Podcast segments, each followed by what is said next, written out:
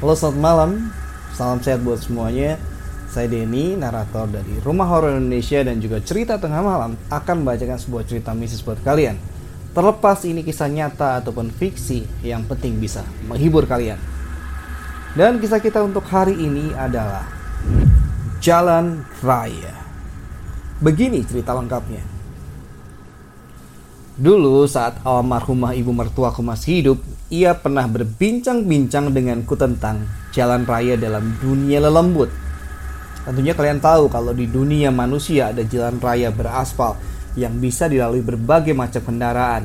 Ternyata di dunia lelembut juga ada yang mirip seperti itu.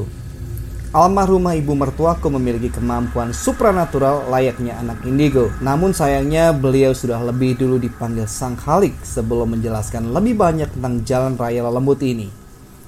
Dulu almarhumah sudah memberikan kepadaku satu clue tentang jalan raya lembut ini.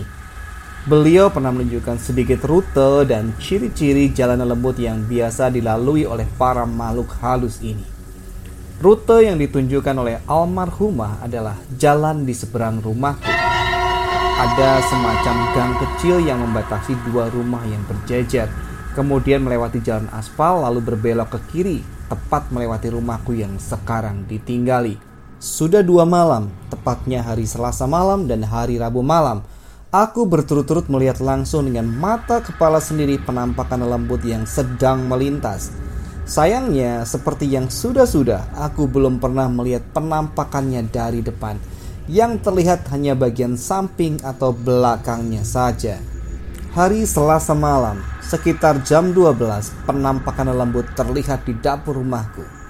Malam itu, aku sedang ngobrol dengan istri tercinta sambil nonton TV. Tiba-tiba, ada bayangan melesat di sisi kiriku, kurang lebih 2 meteran. Refleks Aku menengok ke kiri.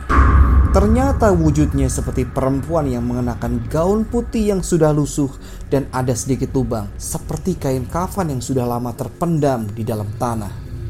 Demi Tuhan, aku melihat kakinya yang pucat seperti kaki mayat. Kakinya tidak memijak ke lantai, terlihat jelas sekali di tungkai kaki belakang dan mata kakinya ada luka yang sudah lama membusuk. Aku berusaha tetap tenang dan tidak memperlihatkan ketakutan. Karena nanti kalau istriku tahu malah dia yang jadi ketakutan. Hari Rabu malam.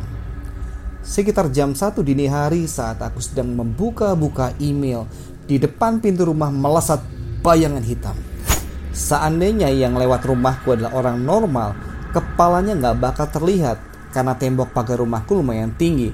Namun malam itu terlihat lelembut berwarna hitam, kepalanya agak lancip ke atas namun yang terlihat hanya sekelebatan saja. Sempat aku kejar dia, namun ternyata sosok tadi sudah menghilang.